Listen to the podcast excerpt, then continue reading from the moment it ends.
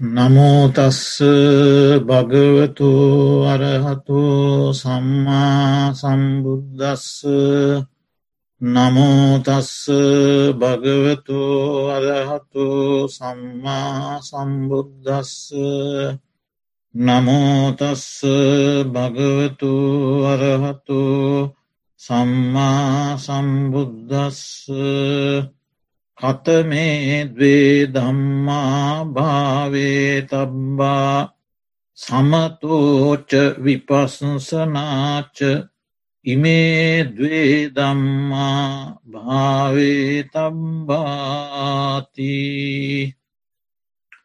ශ්‍රද්ධාවන්ත පින්වතුනි දසුත්තර සූත්‍ර දේශනාව ආශ්‍රය කොටගෙන අපි දිනපතා සන්ධයා හත පසුවී විනාඩිතිහට ආරම්භ කරන ධර්මදේශනා මාලාවෙහි අද ධර්මදේශනාව සඳහා මාතෘකා වශයෙන් තැබුවේ කවර ධර්ම දෙකක් වැඩිය යුතුද? වැඩිය යුතු වන්නේද? සමතයත් විපස්සනාවත්ය. මෙම ධර්ම දෙක වැඩිය යුතු වන්නේය එයයි ඒ පාලිපාටය අදහස. කවර ධර්ම දෙකක් වැඩිය යුතුද සමතයත් විපස්සනාවත්ය. එම දහම් දෙක වැඩිය යුතුය. බුදු සසුනේ ඉගෙන්වෙන සියලූම භාවනා කර්මස්ථාන මෙකී ධර්ම දෙකට යටත්ව පවතිනවා. සමතය විපස්සනාව. යම් කෙනෙක් චතුරාර්ය සත්‍යාවබෝධ කරන්නට කැමතිනම් ඒ තැනැත්තා විසින් මේ සමත විපස්සනා යන භාවනාවර්ග දෙක භාවිත කළ යුතු වෙන. සමතය පෙරටු කොටගත් පුබ්බංගම මුල්කොටගෙන පූර්ුව කොටගෙන වඩන විපශ්ශනාවකුත් තිබෙනවා. විපස්සනාව ප්‍රධාන කොටගෙන මුල් කොටගෙන වඩන සමතයකුත් තිබෙනවා. ඒ කමටහන් දෙක යුගනද්ද වශයෙන් එකක් එකකට ප්‍රත්තිවන ආකාරයට වඩන ක්‍රමයකුත් තිබෙනවා. අද අපි ජීවත්වෙන සමාජයේ වැඩි වශයෙන් භාවිතයට ගන්නේ සමත පූර්වාංගම කොටගත් සමතය මූලික කොටගත් විපස්සනාව. කලාතුරකින් කෙනෙක් විපස්සනාව ප්‍රමුඛ කොටගත් පූර්වාංගම කොටගත් සමතය වඩන බවත් තේරුම් ගත යුතුයි. මේ වචනවල අර්ථය මොකක්ද. සමත සිත එකඟ කරවන සිත තැම්පත් කරවන සිතෙහි ඇති බර ගති කෙලෙස් ගති සංසිදුවන භාවනාව සමතය. විශේෂ දැකීම විශේෂ දර්ශනය විශේෂ වශයෙන් ප්‍රඥාව වැඩීමට භාවිත කරන භාවනාව විපස්සනාව වශයෙන් ධර්ම ග්‍රන්ථවල දැක්වෙනවා. එමෙන්ම බුදුරජාණන් වහන්සේ දේශනා කොට වදාලා මහනෙන විද්‍යා භාගීය ධර්ම දෙකක් තිබෙනවා. විද්‍යා කොටසට අයත් විද්‍යාව භජනය කරන විද්‍යාව ඇසුරු කරන භාවනා දෙකක් තිබෙනවා. ඒ සමතය හා විපස්සනාවයි. සමතයින් නීවරණයන් යටපත් කොට මාර්ග සිත වඩනවා. විපස්සනාවෙන් නිත්‍ය සුකසුභ ආදිය දුරුකොට අනිත්‍යාදී ලක්ෂණ මතු කරන ප්‍රඥාව වැඩෙනවා. එයින් අවිද්‍යාව දුරුවෙනවා. එමෙන්ම භාග්‍යවතුන් වහන්සේ දේශනා කරනවා මේ සිත රාගයෙන් කිලුටු වනාම මිදෙන්නේ නෑ. අවිද්‍යාවෙන් කිලුටු වනාම ප්‍රඥාව වැඩෙන්නේ නෑ. ඒ නිසා නොමිදුුණු සිතේ මිදීම පිණිසත් නොවැඩුන සිතෙහි ප්‍රඥාව වඩහා වර්ධනය කර ගැනීම පිණිසත් මේ දෙයාකාර භාවනා උපනිශ්‍රය වෙනවා. භාග්‍යවතුන් වහන්සේ මෙන්න මේ විදියේ ක්ලේෂ දාහතක් දේශනා කළා. රාගය දේශය මෝහය ක්‍රෝධය බද්ධ වෛරය. ගුණ මකුකම. ගුණවතුන් හා තමන් සමාන කොට ගන්නා ස්වභාවය. ඊර්ෂ්‍යාව මසුරුකම. තමා තුළ ඇති වරද වසාගන්නා ස්වභාවය. නැතිගුණ පෙන්වීම. මානය අතිමාන්‍යය තම්බය තද බව තද ගතිය සාරම්භ එකට එක කිරීම මදය ප්‍රමාදය දාහතක් එකී ක්ලේෂයෝ විශිෂ්ටත් ඥානයෙන් අවබෝධ කර ගැනීම පිණිස මේවා ක්ලේෂයෝය මේවාගෙන් ඇතිවෙන විපාක මේවාය ආදී වසයෙන් විශිෂ්ටත් ඥානයෙන් මේ ක්ලේෂයන් දැන හඳුනා ගැනීම පිණිස. ඒවා විශේෂ වශයෙන් දැන ගැනීම පිණිස. ඒවා ප්‍රහාණය කිරීම පිණිස. ඒවා ශ්‍රය කිරීම පිණිස. ඒවා වැය කිරීම පිණිස. ඒවා එහි නොැල්ම පිණිස. නිරුද්ධ කර දැමීම පිණිස. හැරදැමීම පිණිස. අතහරදැමීම පිණිස. ශය කිරීම පිණිස. ධර්ම දෙකක් වැඩිය යුතුයි. කවර ධර්ම දෙකක්ද සමතයයි විපස්සනාවයි. තෝට ඒ ධර්ම තුළින් අත්පත් වන්නේ අර ඉහතකී කරුණු දාහත්ත සහිත ක්ලේෂයන් දුර්වෙලා යන. දුරුකර ගැනීමට බලාපොරොත්තු වන කෙනා ඒවා වැඩිය යුතුයි. එමෙන්ම මහා ප්‍රජාපති ගෞතමියගේ සහ සුද්දෝදන මහරජතුමාගේ පුතනුවෙක් වූ නන්ද කුමාරයා. බුදුරජාණන් වහන්සේට පසු ගමන්කොට පැමිණ කැමැත්තකින් නොවේ බුදුරජාණන් වහන්සේට විරුද්ධ විය නොහැකි නිසා ඒ අදහසට එකඟ නොවී සිටිය නොහැකි නිසා ශාසනික පැවිද්ද ලැබවා. පැවිදි වනත් කාලය ගතකිරේ කලකිරුණු සිතෙන්. කැමැත්තෙන් චන්දයකින් පැවිද්දටාවා නොවේ. ඇයට තිබුණ එකම ඔහුට තිබුණ එකම ගැටලුව ජනපද කල්ලයානි. පසුකාලයේ බුදුරජාණන් වහන්සේගේ අවවාද අනුශාසනා ලබා නන්ද ස්වාමින් වහන්සේ සියලු ක්ලේෂධර්මයන් ප්‍රහාණය කොට උතුම් අරිහත්වයට පත් වනා. ස්වාමීන් වහන්සේලා දැනගෙන සිටියා නන්ද ස්වාමීන් වහන්සේ කලකිරීමෙන් සිටින බව.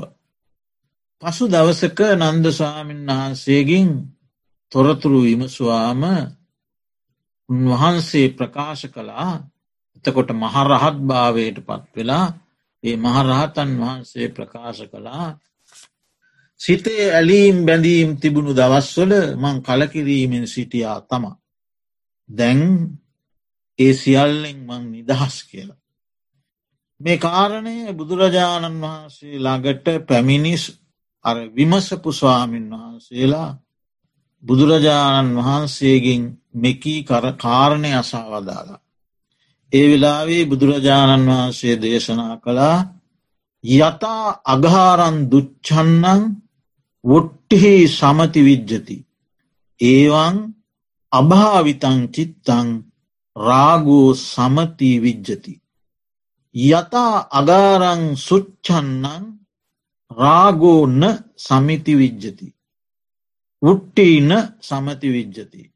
ඒවන් සුභාවි සිතං චිත්තං සුභාවිතං චිත්තං රාගෝන්න සමති විජ්ජති. යම් ආකාරයකින් ගෙයක් මනාව සෙවිලි කරලා නැත්නම්. ඒ ගෙදර හිල් සහිතයි. ඒ වහලේ හිල් සහිතයි. වර්ෂාව වසින කාලයේ ඒ මනාව සෙවිලි නොකරන ලද වහලයෙන් දිය බින්දු වැැක්කෙරෙනවා. දිය සීරා වැගිරෙනවා. ඒ විදිහට යම්කිසි කෙනෙකුගේ සිත භාවිත කරලා නැත්නම්. වඩල නැත්නම්. දියුණු කරලා නැත්නම්. රාගය ඒ පුද්ගලයා විනිවිද යනවා. හරියට වැස්සෙන් තෙමෙන ගයක් වගේ. රාගයෙන් ඔහු තෙත් වෙනවා විනිවිද යනවා. එමෙන්ම යම්කිසි කෙනෙක් යම්කිසි ගයක් මනාව සෙවිලි කරලා තියෙනවනම්. එහි සිදුරු නෑ. එය ක්‍රමවත්ව පිළිවෙලකට දිය බැස යන ආකාරයට ක්‍රමානුකූලව සෙවිලි කරලා තියෙනවා නම් වුට්හි වැස්ස න සමති විජ්ජති. ඒ වහලයෙන් දියබිඳු ඇදහැලෙන්නේ නෑ. ඒ නිවස තෙමෙන්නේ නෑ. ඇයි වහලය මනාකොට සෙවිලි කළ නිසා. ඒවන් ස්වභාවිතං චිත්තං එමෙන් යම් කිසි කෙනෙක් තමන්ගේ සිත ස්වභාවිත කලානම් විශේෂ වශයෙන් වැඩුවනම් දියුණු කලානම් ප්‍රගුණ කලානම් රාගෝ න සමිති විජ්ජති. රාගය ඔහුගේ සිත තෙත් කරන්නේ නෑ. විනිවිද යන්නේ නෑ. ඒ විදියට බුදුරජාණන් වහන්සේ එදා ඒ නන්ද ස්වාමීන් වහන්සේ පිළිබඳව විමසූ අවස්ථාවේ දේශනා කොට අදාලා. එතකොට අපි බලට මේ ගෙය එවිලි කිරීම සේ ගේ සෙවිලි කිරීම සේ සිත වැඩුමට උපකාරවන ධර්ම මොනවාද මොන ධර්ම වලින්ද සිත වැඩෙන්නේ. එයට අද්දිය යුතු පිළිතුර සමතය විපස්සනාව. මොනවද සමතය කියලා කියන්නේ සිත සංසිඳවන ධර්ම මොනවද. පටවි ආපෝ තේජෝ වායෝ නීල පීත ලෝහිත ඕදාත ආකාශ ආලෝක කියන ධර්මතා දහය කසින වශයෙන් වැඩීම. එවට කියනව දස කසින කියලා. පටවියාපෝ තේජවායෝ නීලපීත ලෝහිතෝදාත ආකාශ ආලෝක. එයින් තමන්ට කැමති තමන්ගේ චරිතයට ගැලපෙන කසින මණ්ඩලයක් සකස් කොරගෙන කසින වැඩීම. ඒ වගේම උද්දුමාතක විනීලක විපුබ්බක විච්චිද්දක වික්කාහිතක වික්කිත්තක හත වික්කිත්තක ලෝහිතක පුලවක අට්ටික කියන මේ මිනිස් සිරුරේ මරණයට පත් වූ පසු මිනිස් සත්ව ශරීරයක සිදුවන ක්‍රියාදාමයන් දහයක් එයින් දැක්වුණේ. ඒ දහයෙන් යම් අරමුණක් ඔස්සේ හිත වැඩීම. එකට කියන දසා අසුභ. ඊළඟට බුද්ධානුස්සති ධම්මානුස්සති සංඝානුස්සති සීලානුස්සති චාගානුස්සති දේවතානුස්සති උපසමානුස්සති මරණානුස්සති කායගතා සති ආනාපාන සති කියන දස අනුස්සති භාවනාවන්ගේ තම චරිතයට ගැලපෙන භාවනා කමටහනක් ඉගනීම සහ වැඩීම. ඊළඟට ආහාරයේ පටික්කූල සංඥා ආකාසානංචායතන විඤ්ඥානංචායතන ආකින්චඥායතන නේවසන්නානා සංඥායතන මෙත්තා කරුණා මුදිතා උපෙක්කා සහ චත්තු ධාතු වවත්තාන ධාතු මනසිකාර. මෙන්න මේවා බුදුදහමේ ඉගැන්වෙන භාවනා කමටහන්. ඒ කියන ලද භාවනා කමටහනක් ඉගෙනීම ප්‍රගුණ කර ගැනීම නිදොස් තැන් විමසා සාකච්ඡා කොට නිවැරදි කර ගැනීම ක්‍රමාණුකූලව එය ප්‍රගුණ කරීම වැඩීම. එහෙම කළොත් අර නිවස මනාව සෙවිලි කලාවගේ මේ සිත්ත සෙවිලි කරන්න පුළුව.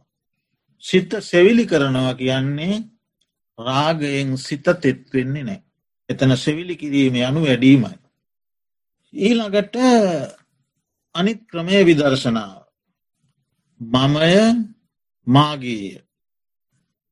මෙන්ම මිනිසා ස්ත්‍රිය දෙවයා සතා සත්වයා ආදී වශයෙන් අපි දකින අපි බලන අපි හඳුනාගන්න දේවල් ලෝකයේ තියෙනවා. ඒවා අජ්ජත්තික වෙන්න පුළුවන් බාහිර වෙන්න පුළුවන්. හීන වෙන්ඩ පුළුවන් ප්‍රනීත වෙන්න පුළුවන්.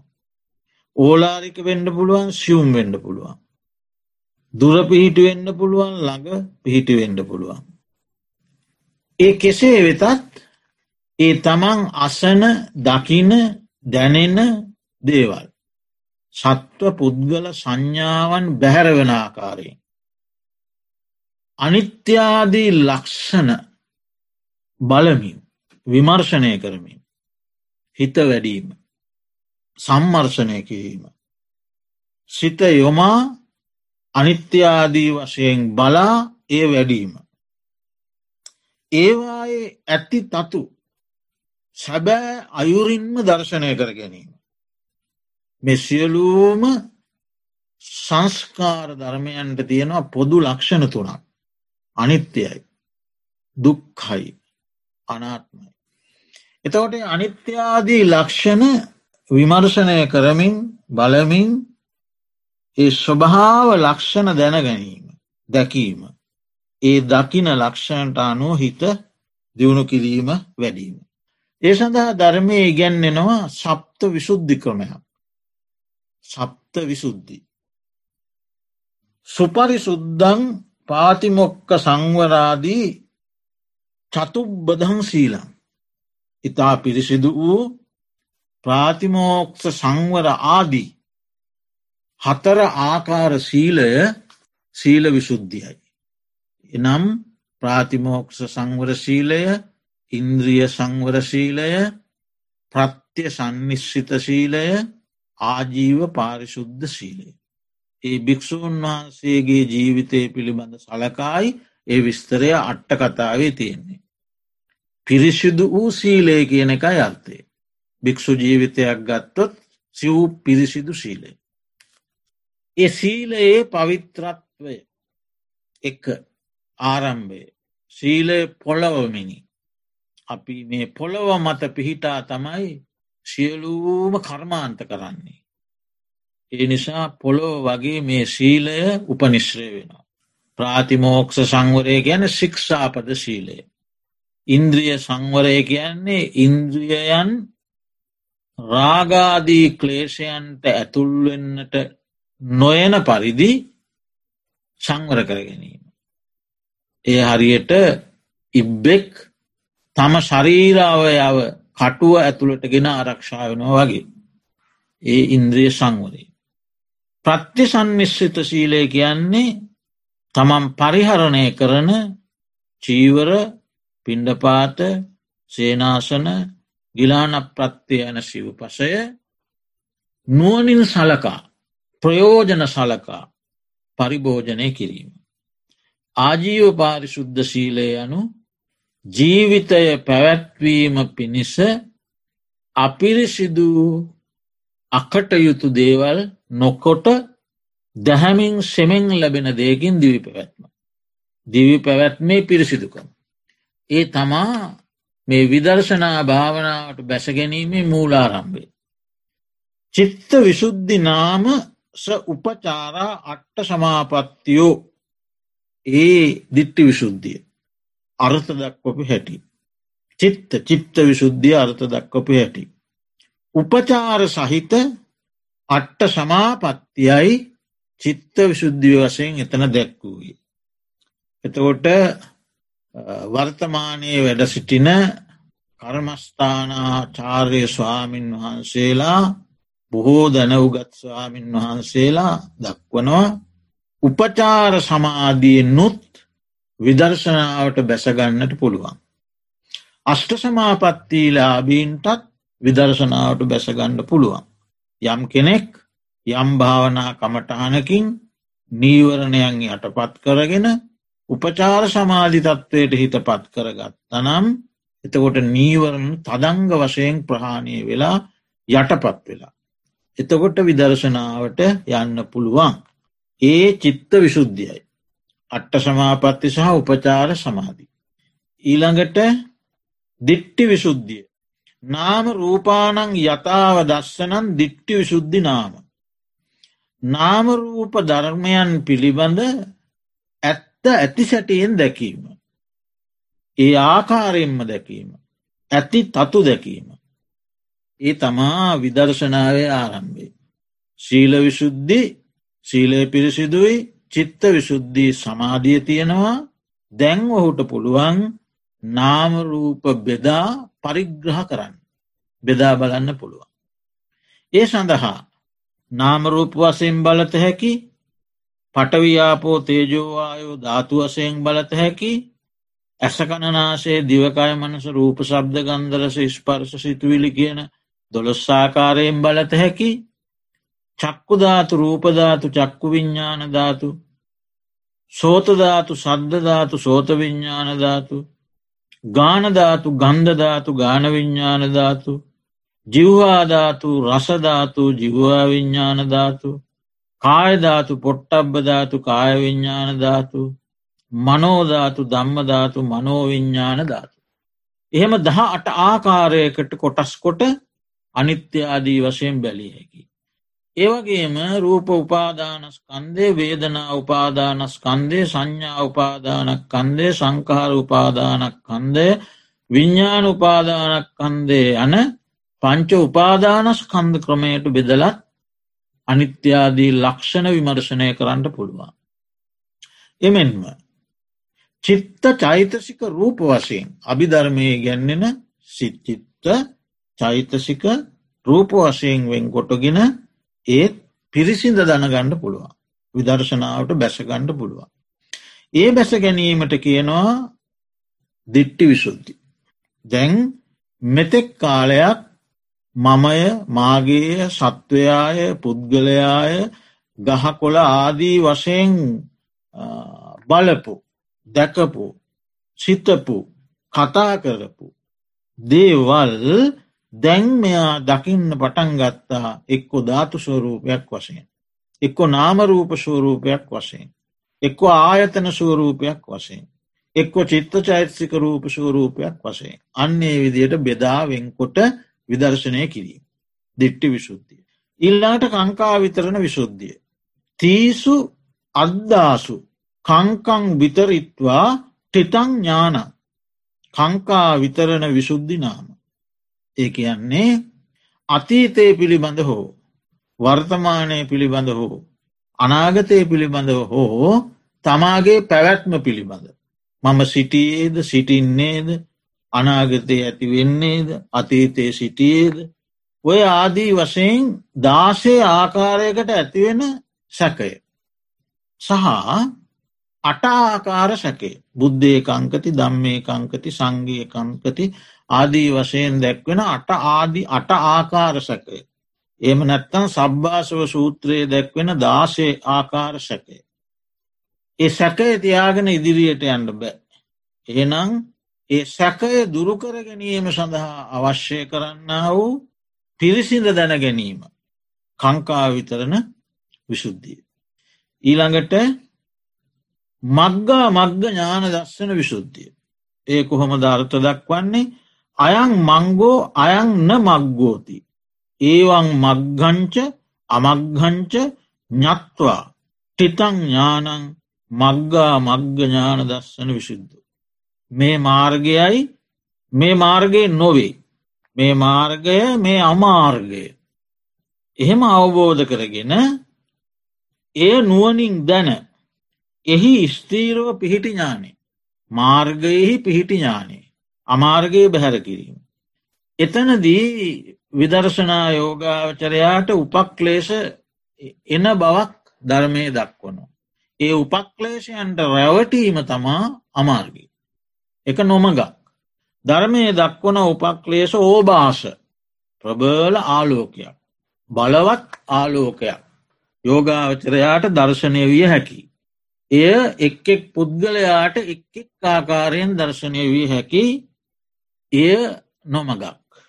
ඊළඟට වෙනදාට වඩා බලවත් වූ ධර්මඥානයක් කොහොට ලැබෙන්ට පුළුවන්. ඕනෑම දෙයක් විමස්වාම නොෙක් ආකාරයෙන් බෙදා බලා විස්තර කරදීම හැකියාව. ඒ වගේ බලවත් වූ ප්‍රීතියක් ඇතිවෙන්ඩ පුළුවන්. බලවත් වූ සිතෙහි සංසිදීමක් ලැබෙන්ඩත් පුළුවන්.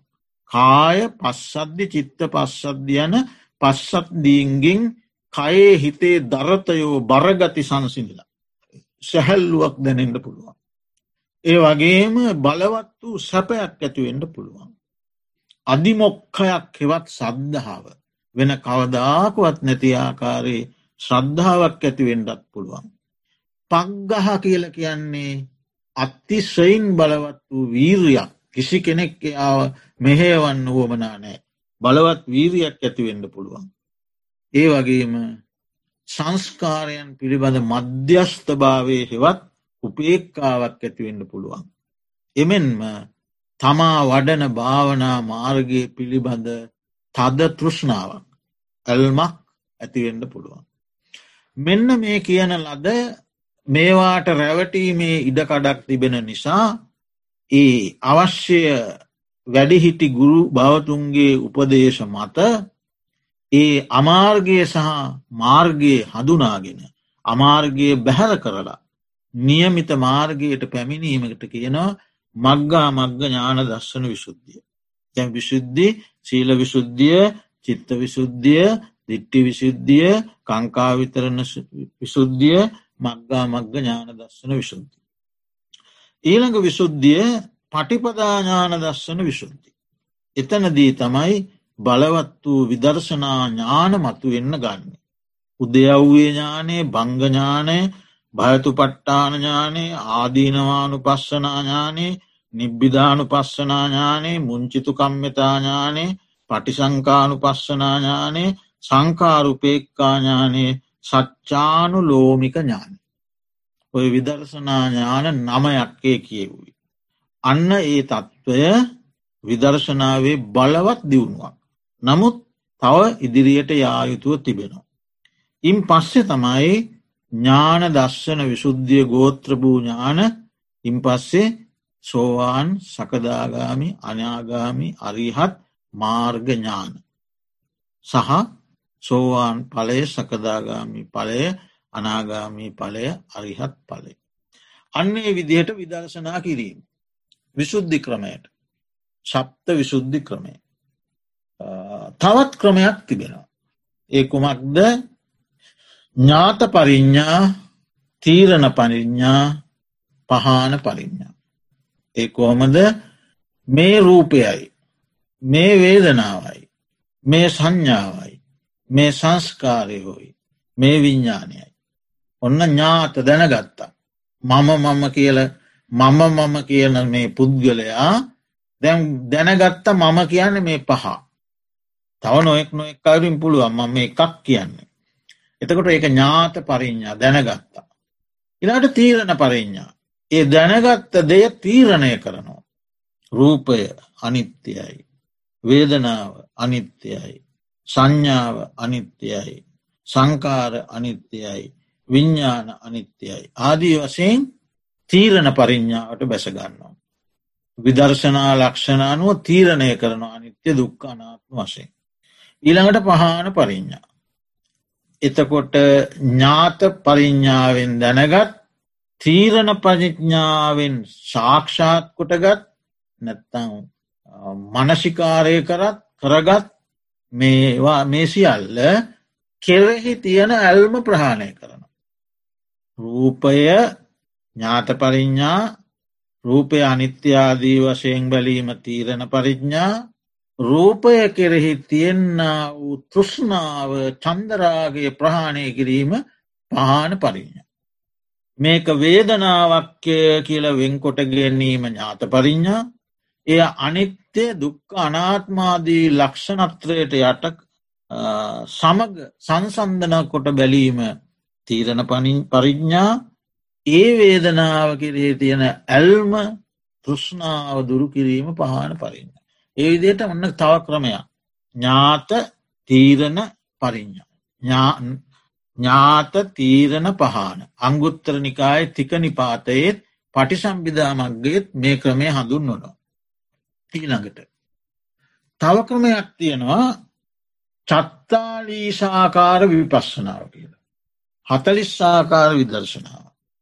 ඒ පිළිබඳව හොඳට කියවලා වටහා ගණ්ඩ පුළුවන් මහාචාරය අතිපූජනීය රේරුකාණය චන්ද විමලාභිධාන මහානායක ස්වාමීන් වහන්සේ විසින් රචනා කරන ලද චත්තාලීශාකාර විපස්සනා භාවනා නැමති ග්‍රන්ථය කියවීම. ඒ චත්තාලීශාකාර විපස්සනාවෙන් කොටසක් අංගුත්තර නිකායේ තික නිපාතය සඳහන් වෙනවා. හතලිහෙම නෑ කොටසක් තියෙනවා. එතකොට පටිසම්බිදා මග්ගයෙහි මග්ගප්ප කරනේ හතලිහෙම දක්වලා තියෙනවා. ඒ හතලිහෙන් දහයක් හතලිහෙන් පහළවක් අයිති වෙන අනිච්චානු පස්සනාවට. මොනවද අනිච්ච පලෝකං චලං ප්‍රභංගූ අද්දුවන් විපරිනාම දම්මන් අසාරකං විභවන් සංකතා මරණ දම්ම. ඒ ටික අයිති වෙනවා අනිච්චානු පස්සනාවට. තව පහක් අයිති වෙනවා අනත්තානු පස්සනාවට. අනත්තං පරේ රිත්තා තුච්චා සුඥා කියන පහ. ඊළඟට විසි පහක් අයිති වෙනවා දුක්ක කොටසට. දුක්කා රෝගා ගණ්ඩා සල්ලා අගා. අගමූලා ආබාධා ඊති උපද්දවා භය. උපසක්ගා අතානා අලේනා අසරණ ආදීනවා. වදකා සාසවා මාරාමිසා ජාති දම්මා ජරාදම්මා ව්‍යාධි දම්මා සෝක දම්මා. පරිදේව දම්මා උපායාස දම්මා සංකිලේශකා දම්මා. ඒ විසි පහම අයිතිවෙන්නේ දුක්ක කොටසට. අනත්ත කොටසට පහයි. අනිච්ච කොටසට දහයයි. දායයි පායි පහළවයි විසිපායි හතලිය. ඒ විදේ හතලිස්සාකාර විපශ්වනාවක් තියෙනවා. ඒ හතලිහෙම වඩන්ට ඕනෑ කියලා නොවේ කියන්නේ එයින් එකක්කෝ තමන්ගේ චරිතයට ගැලපෙන කෙනෙකුට මරණ දම්මය ගැනපෙනවන මරණ දම්මා මරණ දම්මා. කුමක්ද මැරෙන්නේ රූපේ මරණ දම්මා වේදනාව මරණ දම්මා සංඥාව මරණ දම්මා සංකාරා මරණ දම්මා විඤ්ඥානං මරණ දම්මා නැත්තං චක්කුම් මරණ දම්මා සෝතං මරණ දම්මා ගානං මරණ දම්මා ජිව්හා මරණ දම්මා විඤ්ඥානං මරණ දම්මා රූපා මරණ දම්මා සද්දා මරණ දම්මා ගන්ධා මරණ දම්මා රසා මරණ දම්මා පොට්ටබ්බා මරණ දම්මා දම්මා මරණ දම්මා. ඒ විදියට තමන් කැමති ආකාරයකින් ඒ විදර්ශනාවට යන ක්‍රමයක්කේ. චත්තාලීසාකාර විපස්සනාව විස්තර වශයෙන් මේ පින්වතුන්ට ඒ ධර්ම ග්‍රන්ථය තුළින් දැකගණ්ඩ පුළුවන්. තවත් ක්‍රමයක් තියෙනවා. ඒ කුමක්ද. ඉන්ද්‍රිය හය අනිත්‍යාදී ලක්ෂණත්‍රයෙන් බලනවා. අරමුණු හය බලනවා. විඤ්ඥානහය පස්සහය ස්පර්ශහය වේදනාහය සංඥාහය චේතනාහය තන්හාහය ධාතුහය ඉස්කන්ද පහ ඔක්කොම පනස් නමය. ඒ පනස් නමයට බෙදාගෙන ඒවා එකින් එක අනිත්‍යාදී වශයෙන් විමර්ශනය කරනවා. තවත් ක්‍රමයක් තියෙනවා. ඉන්ද්‍රිය හය අරමුණු හය විඤ්ඥානහය ස්පර්ශහය සුකවේදනාහය දුක්වේදනාහය අදුක්කම සුකවේදනාහය. ඔන්න බුදුරජාණන් වහන්සේ දේශනා කරනවා ඇස අනිත්‍යයයි. ඇස යම්කිසි භික්ෂුවක් අනිච්ච වශයෙන් දකින්නේ නම්. ඔහු ඇසෙහි කලකිරෙනවා. නිත්‍ය සාර සුක සුභාසයෙන් බලන්නේ. කලකිරෙන්නේ නොමි මිදේ නොයලේ කලකිරීමේ කලකිරෙන්නේ නොඇලෙයි ඇලෙන්නේ නෑ. නිබ්බින්දං විරජ්ජති. විරාගා විමුච්චති. නොයලෙන්නේ මිදේ. රාග සහිත සිත මිදෙන්නේ නෑ කියල බුදුරජාණන් වහන්සේ අංගුත්තර නිකායේ ඒකක නිපාතය දක්වා තිබෙනවා. රාග සහිත සිත මිදෙන්නේ නෑ. දැ මෙතන මොකක්ද වෙන්නේ. ඇස අනිත්‍ය වශයෙන් බලනකොට ඇසගෙන කලකිරෙනවා. කලකිරෙන නිසා නොයලෙනවා. නොඇලෙන නිසා මිදෙනවා අන්න විරාගා විමුච්චති. රාග සහිතනම් මිදෙන්නේ නෑ. විරාගය නිසා මිදෙනවා. විමුත්තස්මින් විමුත්ත මිති ඥානං හෝති. මම දැන් මිදුන කෙනෙක් කියලන ඥානය හුට ලැබෙන. ඔහොම දකිනවා. ඔහු මිදුන බව ඔහොම දකිනවා. ඒ විදිහට ඉන්ද්‍රිය හායටම ගන්න පුළුවන්. අරමුණු හායට ගන්න පුළුවන්. විඤ්ඥාන හයට ගන්න පුළුවන්. ස්පර්ශහයට ගන්න පුළුවන්. සපවේදනාහයට ගන්න පුළුවන්. දුක්වේදනාහයට ගන්න පුළුවන්. අදුක්කම සුකවේදනාහයට ගන්න පුළුවන්. ඔන්න ඔය කියන ලද ක්‍රමයට සමතයක් විදර්ශනාවත් කියන කාරණා දෙක වැඩිය යුතු වූ ධර්මයයි. එතකොට මේ දෙක තවතියනවා අපි ගිය සතිය සාකච්ඡා කලා වැඩිය යුතු එක ධර්මය. අද සාකච්ඡා කලා වැඩිය යුතු ධර්ම දෙක සමතය සහ විපස්සනාව. ඒ දෙක වඩනවානං කෙනෙකුට මේ ජීවිතය තුළදීත් ඉහාත්ම සුක විහරණය ලැබෙනවා. සුවසේවාසය කරනවා. මේ ජීවිතයේදී නිර්වාණය අවබෝධ නොකළොත් සුගතියක උපත ලබන්න හේතුවෙනවා.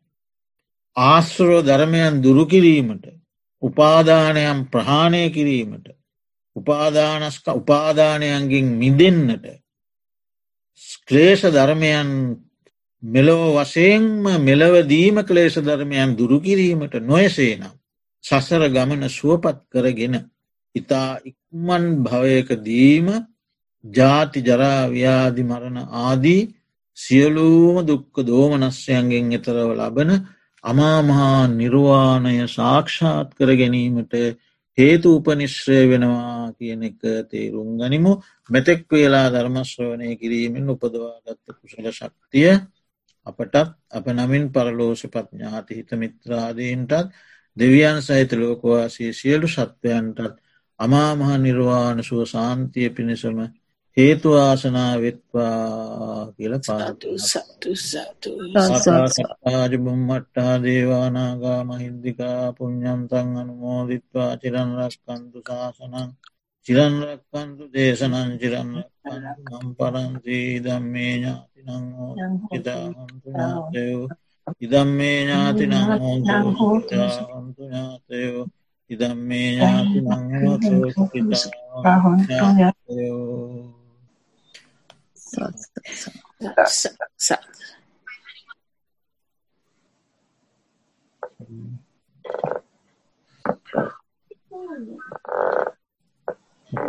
අහන්ඩ තියෙනවාද? ප්‍රශ්න තියෙනවා අහන් ගැටලු දම්ගට හාමුදුරනේ මේ අර මුලින්ම කිව්වේ භාවනා ක්‍රම මේ හත් තුනක් ගැන සමත පුබ්බංගම විදර්ශනයි. ඒක හාමුදුරනේ මම එක තැනක ඇහුවා තව ක්‍රමයකුත් හතරවෙනි ක්‍රමයකුත් තියෙන හතරත් තියෙන හතර තියන්න මක්ගා මග්ගඥාන දර්ශන විශුද්ධියේදී ඇතිවෙන මේ මංකිවේ දැන් උපක්ලේශ දහයක් ඇතිවෙනවා කියලා. එහෙමයි අන්නේ උපක්ලස් උපක්ලේෂයන් පිළිබඳ උපක්ලේෂයන් අවස්ථාවේ වඩන ක්‍රමයක් එක තියෙන් අටුවාව අනු ඒකද දම්ම උද්දච්චය කියන්නේ හාමුදුරනේ? දම්ම උද්දච්චය? එහෙම තමයි මට මතක හැටියට සූත්‍රය හරි කොහරි දැක්ක හතරවෙනි ක්‍රමය විදිහට දම්ම උද්දච්චය කියලා තිබුණ. උද්දච්චය කියන වචනය නම් මට මතක නෑ. එතෙන් එතෙන්දි තමයි එක වඩන්නේ. හොඳයි හාමුදුරනේ. ඒක තියෙන්නේ අංගුත්තරනිකායේ චතුක්ක නිපාතේ.